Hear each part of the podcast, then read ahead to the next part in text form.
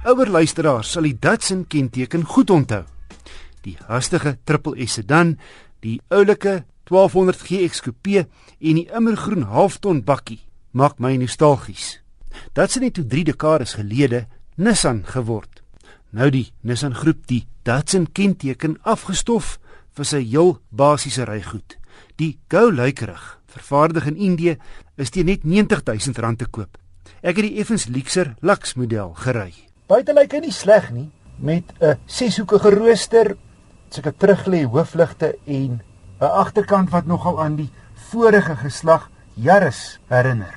Aan binnekant, wel, in ag geneem die prys van net onder 100 000 rand, heel billik. Harde plastiek, maar alles lyk en voel goed aan mekaar gesit. Die Lux model bied kragstuur met 'n klein draaisirkel wat welkom is in die stad, ook ligversorging en 'n ritrekenaar, asook elektriese vensters voor en sentrale sluiting wat jy met die hand beheer. Geen radio CD speler nie, maar hier so 'n sentrale dokstasie waar jy jou selfoon koppel en staan maak. En jy speel dan jou radiostasie of musiek deur twee karluidsprekers. Wat ek mis is 'n gonser wat waarsku wanneer die ligte aan is. Ek het 'n slag uitgeklim, by 'n winkel ingestap en toe ek terugkom, toe sien ek die ligte is aan. Wanneer jy die kar afskakel en die deur oopmaak, is daar geen waarskuwing wanneer jou ligte nog brand nie. Die karretjie is korter as 3,8 meter. Tog kan 'n lang ou soos ek my gemaklik agter die stuur tuis maak. Dan is daar egter feitelik geen beenspasie vir die agterste insittende nie.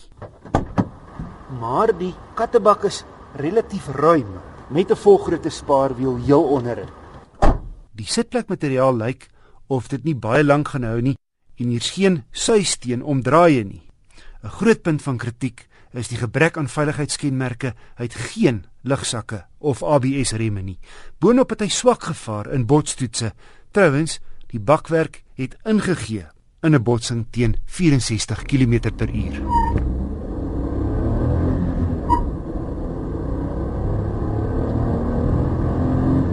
Pluspunt is die redelike wakker 1.2 liter 3 silinder. Hier op my toetsroete het die ritrekenaar 'n skaflike 15,6 km per liter aangedui, anders gestel 6,4 liter per 100 km. Datsin se Go 1.2 Lux ry lekker en jy kry relatief heelwat kar vir 99500. Maar Sonder die basiese veiligheidskenmerke kan ek hom nie aanbeveel nie. Ek het 'n voeltjie oorvlei dat daar wel later in die jaar veiligheidskenmerke kom. En dan praat ons weer. Mercedes-Benz doen dit met sy E-klas, BMW met sy 5-reeks en Audi met sy A6. 2 liter turbo petrolmasjiene in hul intree vlakmodelle rondom die 600 000 rand merk. Jaguar het nou ook die 4-silinder turbo roete gevolg en ek het die goedkoopste luxury model getoets. Voorkoms is subjektief, maar vir my steeds die aantreklikste in sy klas. En die basismodel lyk feitelik net soos sy kragtiger en dierder broers. Net oplettende ingeligtes sal die marginaal kleiner wiele opmerk.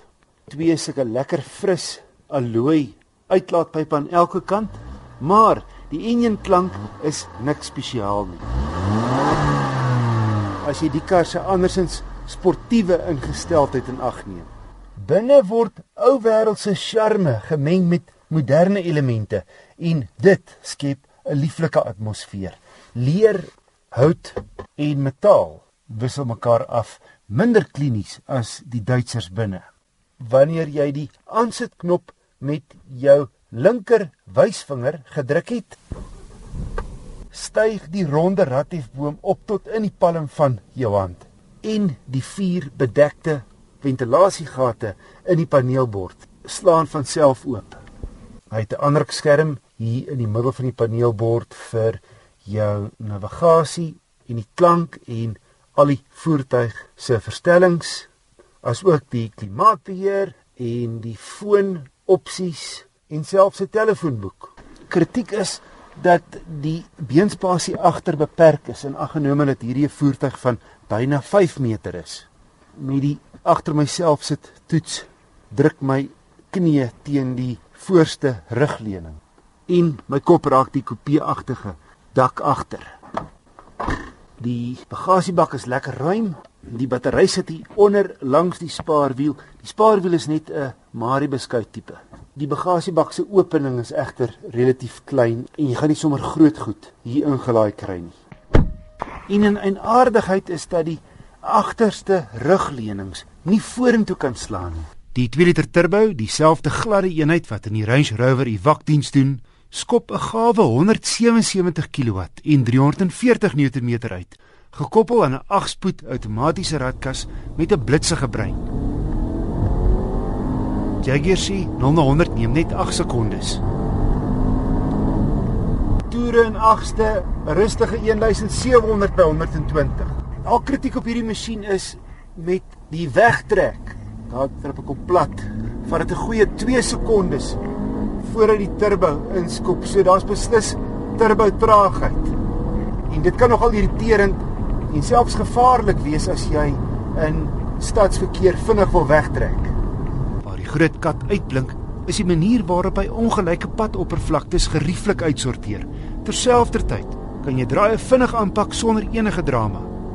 Gemiddelde verbruik op my gekombineerde siklus was 9,8 liter per 100 km ligter as die ou 3 liter V6, maar 'n hele ent swaarder as die doeltreffende Duitsers.